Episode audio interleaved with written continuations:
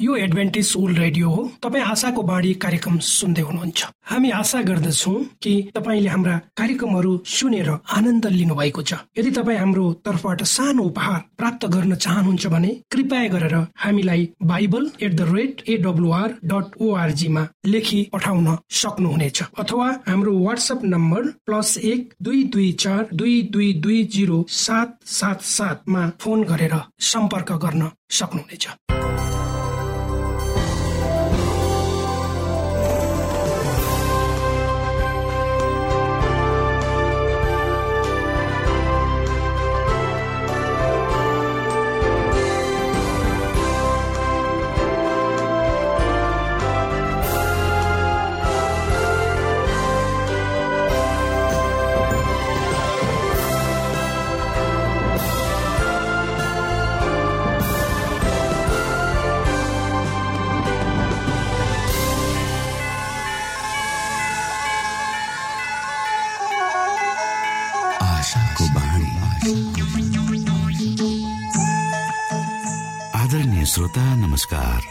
समय तपाईँ Adventist world रेडियोको प्रस्तुति भोइस अफ होप आशाको बाणी कार्यक्रम सुन्दै हुनुहुन्छ। कार्यक्रम प्रस्तुता म रवि यो समय तपाईँको साथमा छु। आशाका सन्देश सहित प्रेम र विश्वासको सन्देश सहित आशाको बाणी कार्यक्रम रेडियोको तरङ्ग मार्फत तपाईँको सामु आइपुगेको छ। आजको कार्यक्रमले तपाईँको जीवनमा नयाँ सन्देश पुर्याउन सकिएकै होस्। हाम्रो शुभेच्छा तपाईँको निम्ति यही रहनेछ। दैनिक यसलाई सुन्ने गर्नुहोस् र आफूलाई चाहिने प्रकारको आशिष र अगुवाई अवश्य यहाँले लिन सक्नुहुनेछ भनेर हामीले आशा लिएका छौँ। आउनुहोस्। आजको कार्यक्रमलाई पनि हामी एउटा मधुर भजन सहित अगाडि बढाउँ।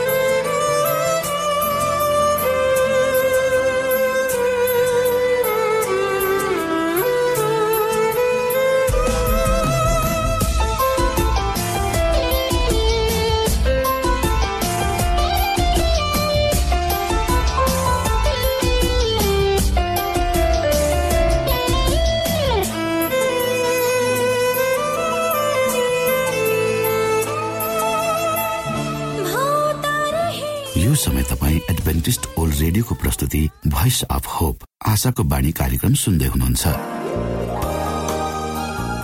तपाईँ आशाको बाणी कार्यक्रम सुन्दै हुनुहुन्छ।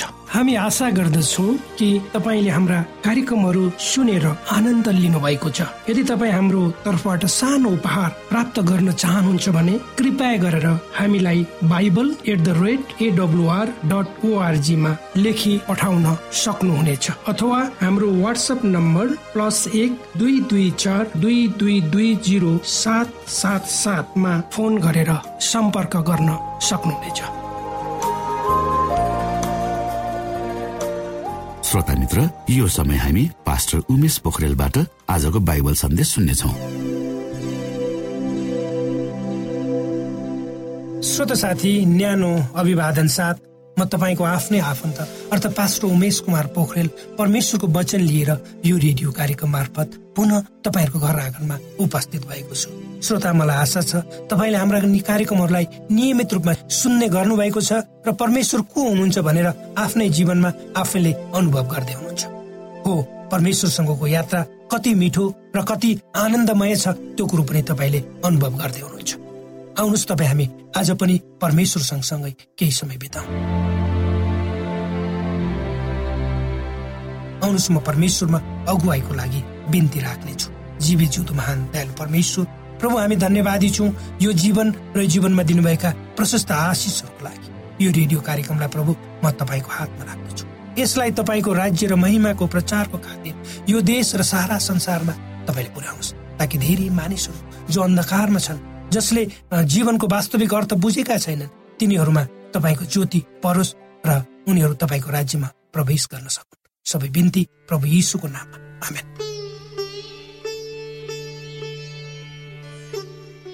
श्रोता आजको प्रस्तुतिमा पनि म प्रभु यीशु क्रिस्टको जीवनको अन्तिम क्षणकै बारेमा प्रस्तुत गर्नेछु। र जब प्रभु यीशु क्रिस्टलाई पक्रियो अनि त्यसपछि के भयो त्यही कुराहरू हामी चर्चा गर्दैछौँ। क्रिस्टले उहाँका वादीहरूलाई दाउ मिल्ने गरी त्यस्तो कुनै कुरा बोल्नु भएको थिएन। तैपनि उहाँलाई बाँधिएको थियो जसले उहाँलाई दोषी ठहराएको थियो भन्ने कुरा प्रकट गर्दछ। तर त्यहाँ इन्साफको बहाना गरिनु आवश्यक थियो। तसर्थ कानुनी पूर्वपक्षको अभ्यास गरिनु आवश्यक थियो। शासकहरूले यही क्रमलाई शीघ्रताका साथ अघि बढाउने अठोट गरेका थिए। मानिसहरूले यसुलाई कुन मात्रामा मात्रामा आस्था राख्ने गर्दथे भन्ने कुरा तिनीहरूलाई थाहा थियो। र तिनीहरूलाई यो डर थियो कि यदि पक्राउको बारेमा सर्वत्र हल्ला मचाइको खण्डमा उहाँको उद्धार गर्ने प्रयास गरिनेछ। साथै पूर्वपक्ष अनि प्राणदण्डको क्रमलाई तत्कालै अगाडि बढाउन सकिँदै त्यसैले मानिसहरूले यसुलाई कुन मात्रामा आस्था राख्ने गर्दथे भन्ने कुरा तिनीहरूलाई अर्थात् त्यति बेलाका शासकहरूलाई थाहा थियो। तिनीहरूलाई यो डर थियो कि यदि पक्राउको बारेमा सर्वत्र हल्ला मचाइयो खण्डमा उहाँको उद्धार गर्ने प्रयास गरिनेछ। साथै पूर्वपक्ष अनि प्राणदण्डको क्रमलाई तत्कालै अगाडि नबढाइएको खण्डमा निस्तार चाडको कारण त्यहाँ एक हप्ताको विलम्ब हुने छ। यसले तिनीहरूलाई तिनीहरूका योजनालाई विफल तुलाउन पनि सक्नेछ। यसुलाई दोषी ठहराउनको निम्ति तिनीहरू जनसमूहको खैला भैलामा अधिक मात्रामा निर्भर रहे जस मध्ये धेरै जसो यरुसलमकै निम्न श्रेणीका मानिसहरू यदि एक हप्ताको विलम्ब हुन गएको खण्डमा मानिसहरूमा उत्तेजना घट्ने छ तथा प्रतिक्रिया पनि उत्पन्न हुन सक्नेछ धेरै जसो मानिसहरू उहाँकै समर्थनमा उत्तेजित हुनेछ। धेरै मानिसहरू उहाँले गर्नुभएका महान कार्यहरूको बारेमा प्रकाश पार्दै उहाँको सफाई दिने गवाईका साथ अघि सर्नेछ यसले यरुसलेमको सर्वोच्च परिषदको प्रचलित क्रोधलाई उत्तेजित पार्नेछ। तिनीहरूका पूर्वपक्षको निन्दा गरिनेछ र यसुलाई स्वतन्त्र छाडिनेछ र यस प्रकार उहाँले जनसमूहद्वारा नयाँ श्रद्धा पाउनुहुन्छ। तसर्थ पुजारीहरू तथा शासकहरूका उद्देश्य सार्वजनिक हुनु अघि नै यसुलाई रोमीहरूको हातमा जिम्मा लगाइनु पर्ने भनी तिनीहरूले अठोट गरे। तर सर्वप्रथम दोष पत्ता लगाइनु पर्नेछ तिनीहरूले अहिलेसम्म केही पनि पत्ता लगाएका थिएन हन्नासले यसुलाई कयाफहरूका सामु लैजाने आदेश दिए। कयाफहरू यहुदी वर्गका अधिकारीहरू थिए। जसमध्ये केही यसुका कट्टोर शत्रुहरू थिए। कयाफा स्वभावमा हन्नास भन्दा कम शक्तिशाली भए तापनि वास्तवमा हन्नास जस्तै कठोर निर्मम तथा कुटिल थिए। उनी यसुका विनाशको लागि कुनै पनि उपाय अप्नाउनु पछि नपर्ने व्यक्ति थिए। त्यो बिहानको जिसमिसे समय भएकोले अझै पनि निकै अँध्यारो थियो। र हात हतियारद्वारा सुसज्जित जनसमूह राको अनि लालटिन बाल्दै आफ्ना कैदी यसुसँगै प्रधान पुजारीको महलतर्फ अगाडि बढे। तब हेरुसलेमको सर्वोच्च परिषदका सदस्यहरू भेला हुँदै थिए। हन्नास र कैयाफहरूले यसुलाई पुनः प्रश्न गरे। तिनीहरूले यसमा पनि कुनै सफलता हात पारेन।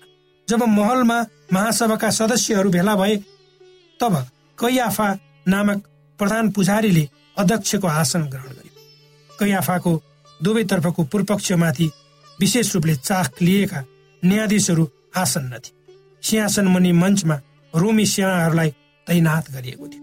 सिंहासनको सामु यसो खडा हुनुहुन्थ्यो। सारा जनसमूहका नजर क्रिस्टमाथि नै केन्द्रित थियो। उत्तेजना अति नै तीव्र प्रकारको थियो। सारा जनसमूह मध्ये केवल उहाँ मात्र शान्त तथा निर्मल उहाँ वरिपरिको वातावरण नै उहाँको पवित्र प्रभावद्वारा व्याप्त भइसकेको देखिन्थ्यो। कोही आफूले यसोले आफ्नो विरोधीको रूपमा लिएको थियो। मानिसहरूले मुक्तिदाताको वचन सुन्न देखाउने उत्सुकता तथा उहाँका शिक्षाहरू ग्रहण गर्न देखाउने तत्परताले प्रधान पुजारीमा तितो इच्छाको भावना उब्जाएको थियो। तर जब कैयाफले कैदीमाथि आफ्नो नजर लगायो तब उहाँ उहाँको कुलीन तथा प्रतिष्ठित स्वभावप्रति गरिने तारिफद्वारा उसको मनमा प्रभाव हुन पुग्यो। उसको मनमा यो विश्वास जागेर आए कि उहाँ परमेश्वरको कुटुम्ब हुनुहुन्छ। अर्को केही पलभित्रै उसले तिरस्कारका साथ आफ्नो मनमा यो विचार हटायो। तुरुन्तै उसले उपहास तथा घमण्डीले भरिपूर्ण स्वरका साथ यीशुलाई मानिसहरूको सामु एक महान आश्चर्य काम गर्नको निम्ति माग गर्यो। तर उसका बोलीहरूलाई मुक्तिदाताले असुने झै गर्नुभयो। मानिसहरूले हन्नास र कैयाफको उत्तेजना उत्तेजित तथा उग्र आचरणलाई यसुको शान्त तथा राजकीय आचरणसित तुलना गरे। कठोर हृदययुक्त मानिसहरूका मनमा समेत यो प्रश्न थियो यसरी परमेश्वरको उपस्थिति भएको मानिसलाई पनि एक अपराधी झैँ दोषी ठहराइने छ त? मानिसहरूले प्रश्न यसुले यसरी मानिसहरूबाट प्रभाव हासिल गर्दै हुनुहुन्छ भन्ने कुरा चाल पाउन साथ कैयाफले पूर्वपक्षको क्रमलाई तीव्र पारे यसुका शत्रुहरू ठुलो अन्यलमा परे। तिनीहरू आफू उहाँलाई दोषी ठहराउनमा अति तल्लीन थिए तर सो कसरी हासिल गर्ने भनी उनीहरू जान्दैनथे। महासभाका सदस्यहरू फरिसी तथा सदुकीहरूका बीचमा विभाजित थिए। तिनीहरूका बीचमा तितो वैरभाव तथा विवाद कायम थियो र कल उत्पन्न हुने डरका कारण तिनीहरू कुनै निश्चित वाद विवादका बुदाहरूलाई एक अर्का सामु प्रस्तुत गर्न समेत साहस गर्दैनथे यसुले केही शब्दहरूद्वारा नै एक अर्को विरुद्ध विद्यमान तिनीहरूको द्वेष भावलाई उत्तेजित तुल्याई उहाँ विरुद्धको तिनीहरूको क्रोधलाई टार्न सक्नुहुन्थ्यो। कैयाफलाई यो कुरा थाहा भएकै कारण उसले विवाद चर्काउन चाहेन। क्रिसले पुजारी तथा सचिवहरूलाई त्याग्नु भएको तथा तिनीहरूलाई पाखण्डी तथा हत्यारा भन्नुभएको भनी प्रमाणित गर्नका निम्ति त्यहाँ धेरै साँचीहरू थिए। तर यस प्रमाणलाई प्रकाशमा ल्याउन उचित थिएन। फरिसीहरूप्रति सदुकीहरूसँग तिखो विवाद रहेकै कारण सदुकीहरूले तिनीहरूप्रति पनि सोही भाषा प्रयोग गर्दै गरे। फरिसीहरूका देखावटीपन प्रति वाक्क भइसकेका कारण रोमेहरूले त्यस्ता प्रमाणहरूलाई आधिकारिक मान्ने थिएनन् यसुले यहुदीहरूका रीतिरिवाजलाई उपेक्षा गर्नुभयो तथा तिनीहरूका विधिहरूका बारेमा अनाधारपूर्वक बोल्नु भएको थियो भने प्रमाणित गर्न त्यहाँ प्रचुर प्रमाण थिए। तर रीतिरिवाजको मामलामा फरिसी तथा सदुकीहरू तरबार उठाउन समेत तम तयार थिए। रोमीहरूले यस प्रमाणलाई पनि आधिकारिक मान्ने थिएन। क्रिसका शत्रुहरूले उहाँले साबत दिन भङ्ग गर्नुभएको भनी उहाँमाथि दोष लगाउने साहस गरेनन्। अन्यथा यस विषयमा गरिने छानबिनले उहाँको कार्यको स्वभावलाई प्रकट गर्ने थियो यदि उहाँका चङ्गाई दानको आश्चर्य कामलाई प्रकाशमा ल्याइएको खण्डमा पुजारीहरूका उद्देश्य नै बताभुङ्ग यसुले पृथक राज्यको स्थापना गर्ने उद्देश्यका साथ विद्रोह भड्काउनु भएको छ भने दोषी ठहराउनको निम्ति घुस खुवाई झुटा गवाईहरू तयार गरिएको थियो। तर तिनीहरूका प्रमाण फितर तथा परस्पर विरोधी साबित भए। छानबिनको क्रममा तिनीहरूले आफ्नै बयानलाई बदले। क्रिसले आफ्नो सेवकाईको सुरुवाततिर यस मन्दिरलाई भत्काइदेऊ र म तीन दिनमा यसलाई खडा गर्नेछु भनी बताउनु भयो भविष्य सूचक साङ्केतिक भाषामा उहाँले आफू स्वयं आफ्नै मृत्यु तथा पुनरुत्थानको बारेमा अग्रिम रूपमा बताउनु भएको थियो। तर जुन मन्दिरको विषयमा उहाँ बोल्नु भएको थियो त्यो उहाँको शरीर थियो। यी वचनहरूलाई यहुदीहरूले वास्तविक अर्थमा यरुसलेमको मन्दिरको रूपमा बुझे। क्रिसले भन्नुभएका सबै कुराहरू मध्ये उहाँको विरुद्धमा प्रयोग गर्नको निम्ति यो बाहेक अन्य कुनै कुरा तिनीहरूले फेला पारेन। तिनीहरूले यिनै वचनहरूका गलत अर्थ लगाए र एक लाभ हासिल गर्ने आशा राखे। रोमीहरू मन्दिर पुनर्निर्माण गर्न तथा सिँगार्नमा जुटेका थिए र तिनीहरू यस कार्यमाथि ठूलो गर्व लिने गर्थे र यसप्रति प्रकट गरिने कुनै पनि तिरस्कारले तिनीहरूको क्रोधलाई जगाउने पुरा निश्चित थियो। यहाँ रोमी फरिसी तथा सदुकीहरू आउन सक्दथे किनकि सबैले मन्दिरलाई महान आदरको रूपमा लिने गर्थे। यस बुदामा दुई यस्ता गवाईहरू फेला परे जसका बयानहरू अन्य मानिसहरूका जति परस्पर विरोधी थिएन। यसुलाई दोषी ठहराउने उद्देश्यका साथ यसरी घुस लिएका व्यक्तिहरू मध्ये एकले भन्यो यस मानिसले म मन्दिर भत्काएर तीन दिनमा यसलाई निर्माण गर्न सक्छु भन्यो। यस प्रकार क्रिसका वचनहरूका गलत अर्थ लगाई। यदि उहाँले बताउनु भए मुताबिक नै तिनीहरूले बताएका भए यरुसलेमको सर्वोच्च परिषदद्वारा समेत उहाँलाई दोषी साबित गर्न सक्ने थिए यदि यसु यहुदीहरूका दावी मुताबिक एक साधारण मानिस मात्र हुनुभएको भए उहाँको घोषणाले केवल अविवेकशील तथा सेकयुक्त स्वभाव मात्र झल्काउने थियो। तर ईश्वर निन्दाको अर्थ लगाउन सक्ने थिए। झुटो गवाईहरूले झुटो कुरा बताए तापनि उहाँको वचनमा त्यहाँ कुनै त्यस्तो कुरा फेला परेन। जसद्वारा रोमीहरूका नजरमा उहाँलाई प्राणदण्ड दिने योग्यको अपराधी ठहराउन सकियोस् श्रोता प्रभु यीशु ग्रेसले जे कुरा बोल्नुभयो र जे गर्नुभयो ती कुराहरू त्यति बेलाको नियम कानुनहरूको विरुद्धमा थिए। तर उहाँका शत्रुहरूले फरिसीहरूले सदुकीहरूले त्यो रोमी शासकहरूले उहाँको विरुद्धमा चाहिँ विभिन्न झुटा आरोपहरू लगाएर त्यसलाई प्रमाणित गर्ने कोसिस गरे।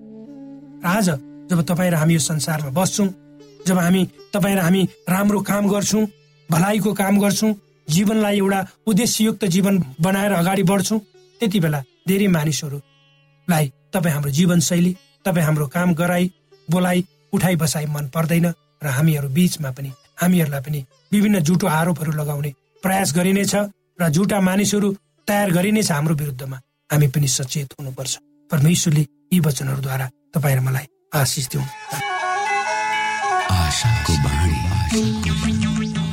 श्रोता भर्खरै यहाँले पास्टर उमेश पोखरेलबाट बाइबल वचन सुन्नुभयो। यो समय तपाईँ एडभेन्टिस्ट ओल्ड रेडियोको प्रस्तुति भोइस अफ होप आशाको बाणी कार्यक्रम सुन्दै हुनुहुन्छ। कार्यक्रम सुनेर बस्नुहुने सबै श्रोतालाई हामी हाम्रो कार्यक्रममा स्वागत गर्न चाहन्छौ। श्रोता मित्र यदि तपाईँ जीवनदेखि हरेस खानु भएको छ तपाईँका जीवनमा धेरै अनुत्तरित प्रश्नहरू छन् भने आउनुहोस् हामी तपाईँलाई परमेश्वरको ज्योतिमा डोहोर्याउन चाहन्छौँ। तपाईँ आफ्नो जीवनका चिन्ता फिक्रीबाट निश्चिन्त हुनुहोस् र बाँच्नुको आनन्द परमेश्वरको सामिप्यमा कति मिठो हुन्छ त्यो चाख्नुहोस् भनी हामी चाहन्छौँ। श्रोता यदि तपाईँ आशाको बाणी कार्यक्रमलाई अनलाइन सुन्न चाहनुहुन्छ वा डाउनलोड गर्न चाहनुहुन्छ भने ओआरजीमा जानुहोस्। त्यहाँ तपाईँले प्रत्येक दिनको कार्यक्रम सुन्न र डाउनलोड गर्न सक्नुहुनेछ। हाम्रो वेब पेज यस प्रकार छ।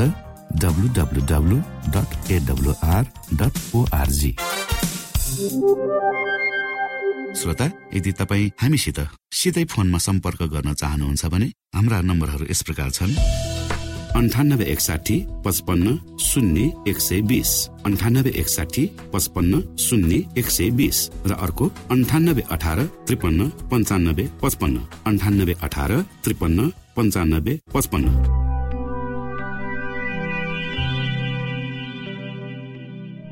यो एडभेन्टेज ओल्ड रेडियो हो। तपाईँ आशाको बाणी कार्यक्रम सुन्दै हुनुहुन्छ। यस सम्बन्धी थप जानकारीको लागि कृपया गरेर हामीलाई सम्पर्क राख्न सक्नुहुनेछ। हाम्रो इमेलको ठेगाना bible at the rate AWR dot org अर्थात् B I B L E at AWR dot org हो। तपाईँ हामीलाई हाम्रो वाट्सएप नम्बर प्लस एक दुई दुई चार दुई दुई दुई जिरो सात सात सातमा पनि कल गरेर सम्पर्क राख्न सक्नुहुनेछ। अर्थात् प्लस एक दुई दुई चार दुई दुई दुई जिरो सात सात सात। यो आशाको बाणी रेडियो कार्यक्रम हो। म धनलाल राई यहाँहरूलाई यस कार्यक्रममा न्यानो स्वागत गर्दछु। श्रोता आज म तपाईँको बिचमा बाइबल सन्देश लिएर आएको छु। आजको बाइबल सन्देशको शीर्षक रहेको छ अहिले परमेश्वरबाट पाएको मुक्ति। श्रोत साथी एफएसी दुई अध्यायको एकदेखि दस फेरि पनि हामी हेर्न सक्छौ। पावलले पद आठ र दसमा गरेको निष्कर्षमा हामी ध्यान दिन सक्छौ। यस अंशको समाप्तिमा पावलले के उल्लेखनीय बुधाहरू औल्याउँछन् हामी यहाँ विचार गरेर हेर्न सक्छौ। तिमीहरू आफ्ना अपराध र पापहरूद्वारा मरेका बेलामा उहाँले तिमीहरूलाई जीवित पार्नुभयो। यिनैमा यस संसारको रीति अनुसार र आकाशको शक्तिको मालिक अनुसार अनाज्ञाकारिताका सन्तानमा अहिले काम गर्ने आत्मा अनुसार तिमीहरू अघि एकपल्ट चल्दै थियो।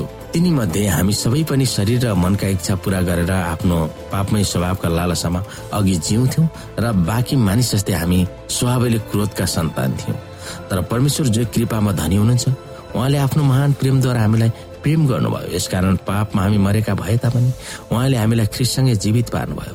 अनुग्रहबाट नै तिमीहरूले उद्धार पाएका छौ र उहाँसँग हामीलाई उठाउनु भयो अनि स्वर्गीय स्थानहरूमा यसु ख्रिससँग बसाल्नुभयो यो चाहिँ ख्रिस यसुमा हामीप्रति उहाँको दयामा आफ्नो अनुग्रहको असीम सम्पत्ति आउँदा युगहरूमा देखाउनलाई हो।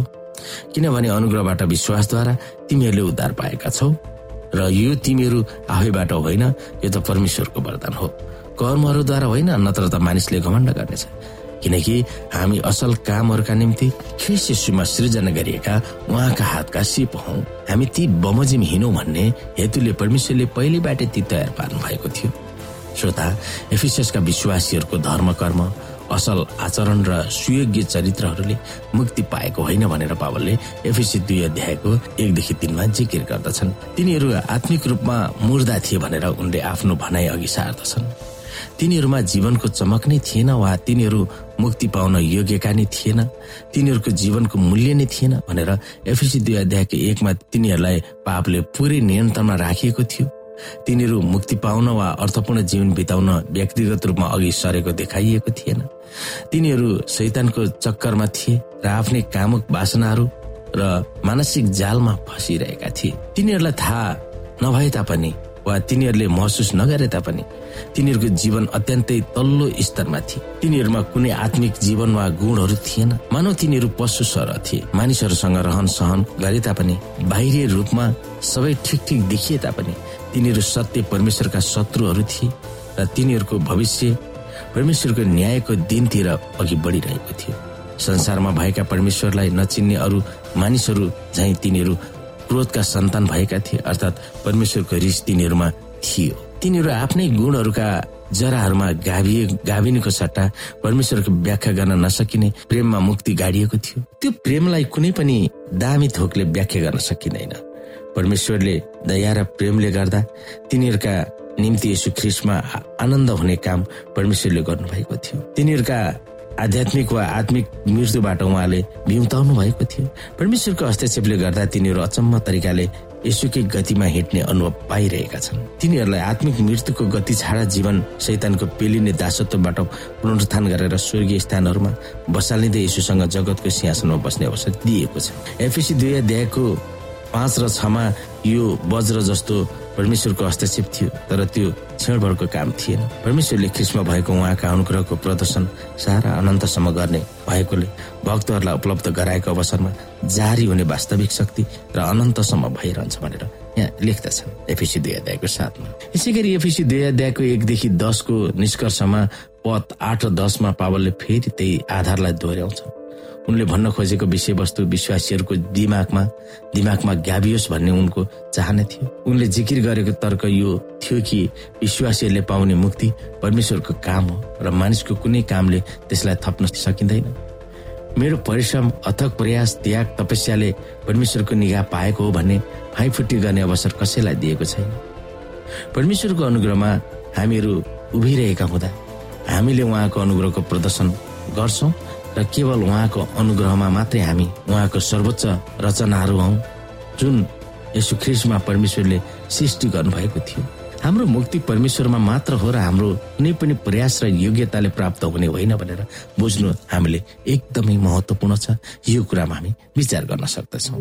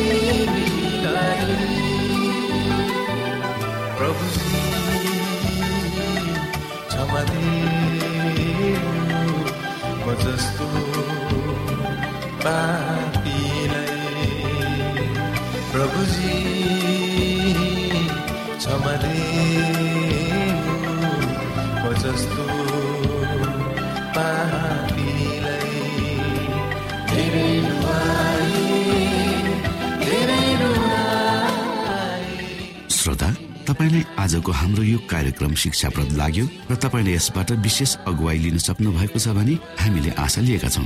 हामीसँग पत्राचार गर्ने हाम्रो ठेगाना यस प्रकार छ।